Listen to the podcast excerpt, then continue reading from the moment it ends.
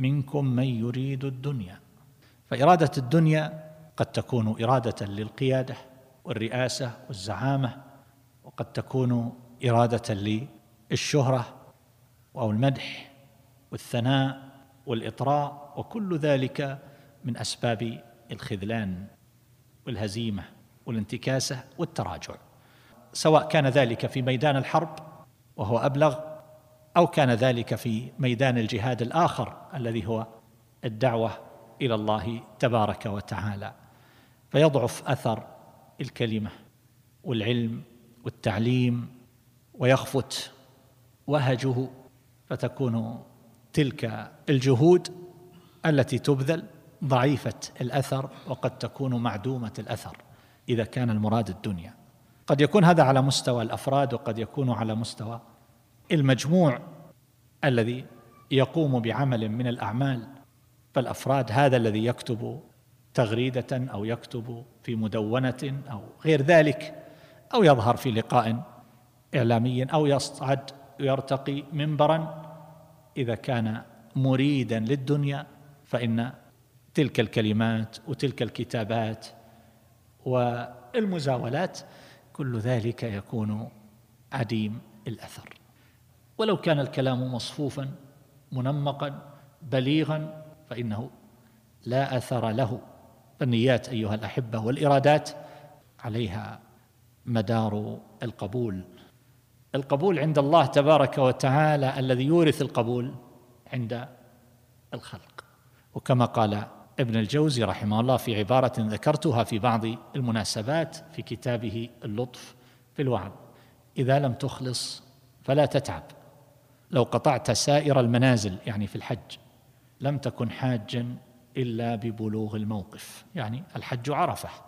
فكذلك الإخلاص في الأعمال إذا لم تخلص فلا تتعب. لو قطعت سائر المنازل لم تكن حاجا إلا ببلوغ الموقف.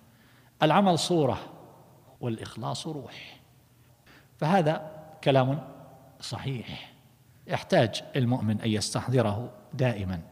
فمهما كان يسعى ويبذل ويجتهد في تحصيل الشهرة والرئاسة فإنه لا شك لن يكون له قبول ولا أثر لأن نيته فاسدة. ليست القضية أن يعرف الإنسان في الإعلام وأن يشتهر بين الناس وان يتحدث الناس عن كتاباته وهؤلاء العلماء الذين كانوا في القرون السابقة اعتبروا بهم. الأئمة الأعلام الكبار الذين ذكرهم يملأ الدنيا لم يكن عندهم قنوات ولا وسائل التواصل الاجتماعي هذه جميعا ولم يكن عندهم حتى مكبر الصوت ولم يكن عندهم مطابع ولم يكن عندهم معارض يوقعون على مؤلفاتهم لمن يشتريها ويقتنيها ما كان عندهم شيء من هذا اطلاقا وملأوا الدنيا علما وشهرة ولم يسعوا إليها.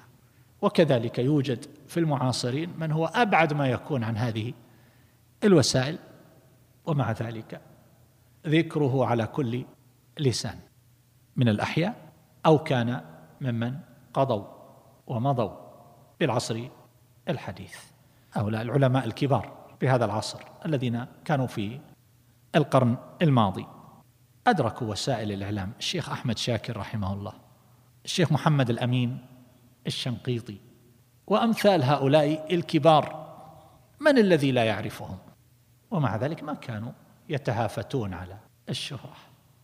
بل الشيخ محمد الأمين الشنقيطي رحمه الله كان يرفض أن تسجل دروسه. كان يرفض هذا وكانوا يتوسلون إليه ويطلبون من سماحة الشيخ عبد العزيز ابن باز رحمه الله أن يكلمه عله يقبل أن تسجل وهو آية من آيات الله في العلم والحفظ والاستحضار ومع ذلك. فأقول لا داعي لهذا الجري خلف الشهرة والإغراب على الناس والإغراب على الناس وإظهار التصريحات أو الفتاوى الغريبة أو غير ذلك ليتحدث الناس عنها ويعتلج هذه الشبكة بما فيها وما حوت بالحديث عن غرائبه وشوارده وما إلى ذلك.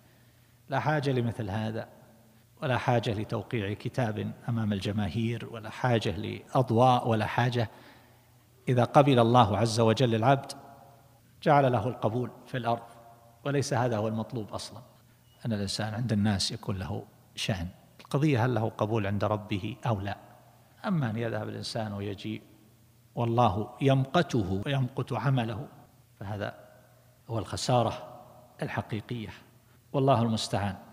إنما أذكر هذا عظة لنفسي وعظة لإخواني لأن هذه الوسائل فتنة وصار الكل ينطلق والكل يتجارى معها ويبحث عن كثرة الأتباع أو المتابعين إلا من رحم الله تبارك وتعالى.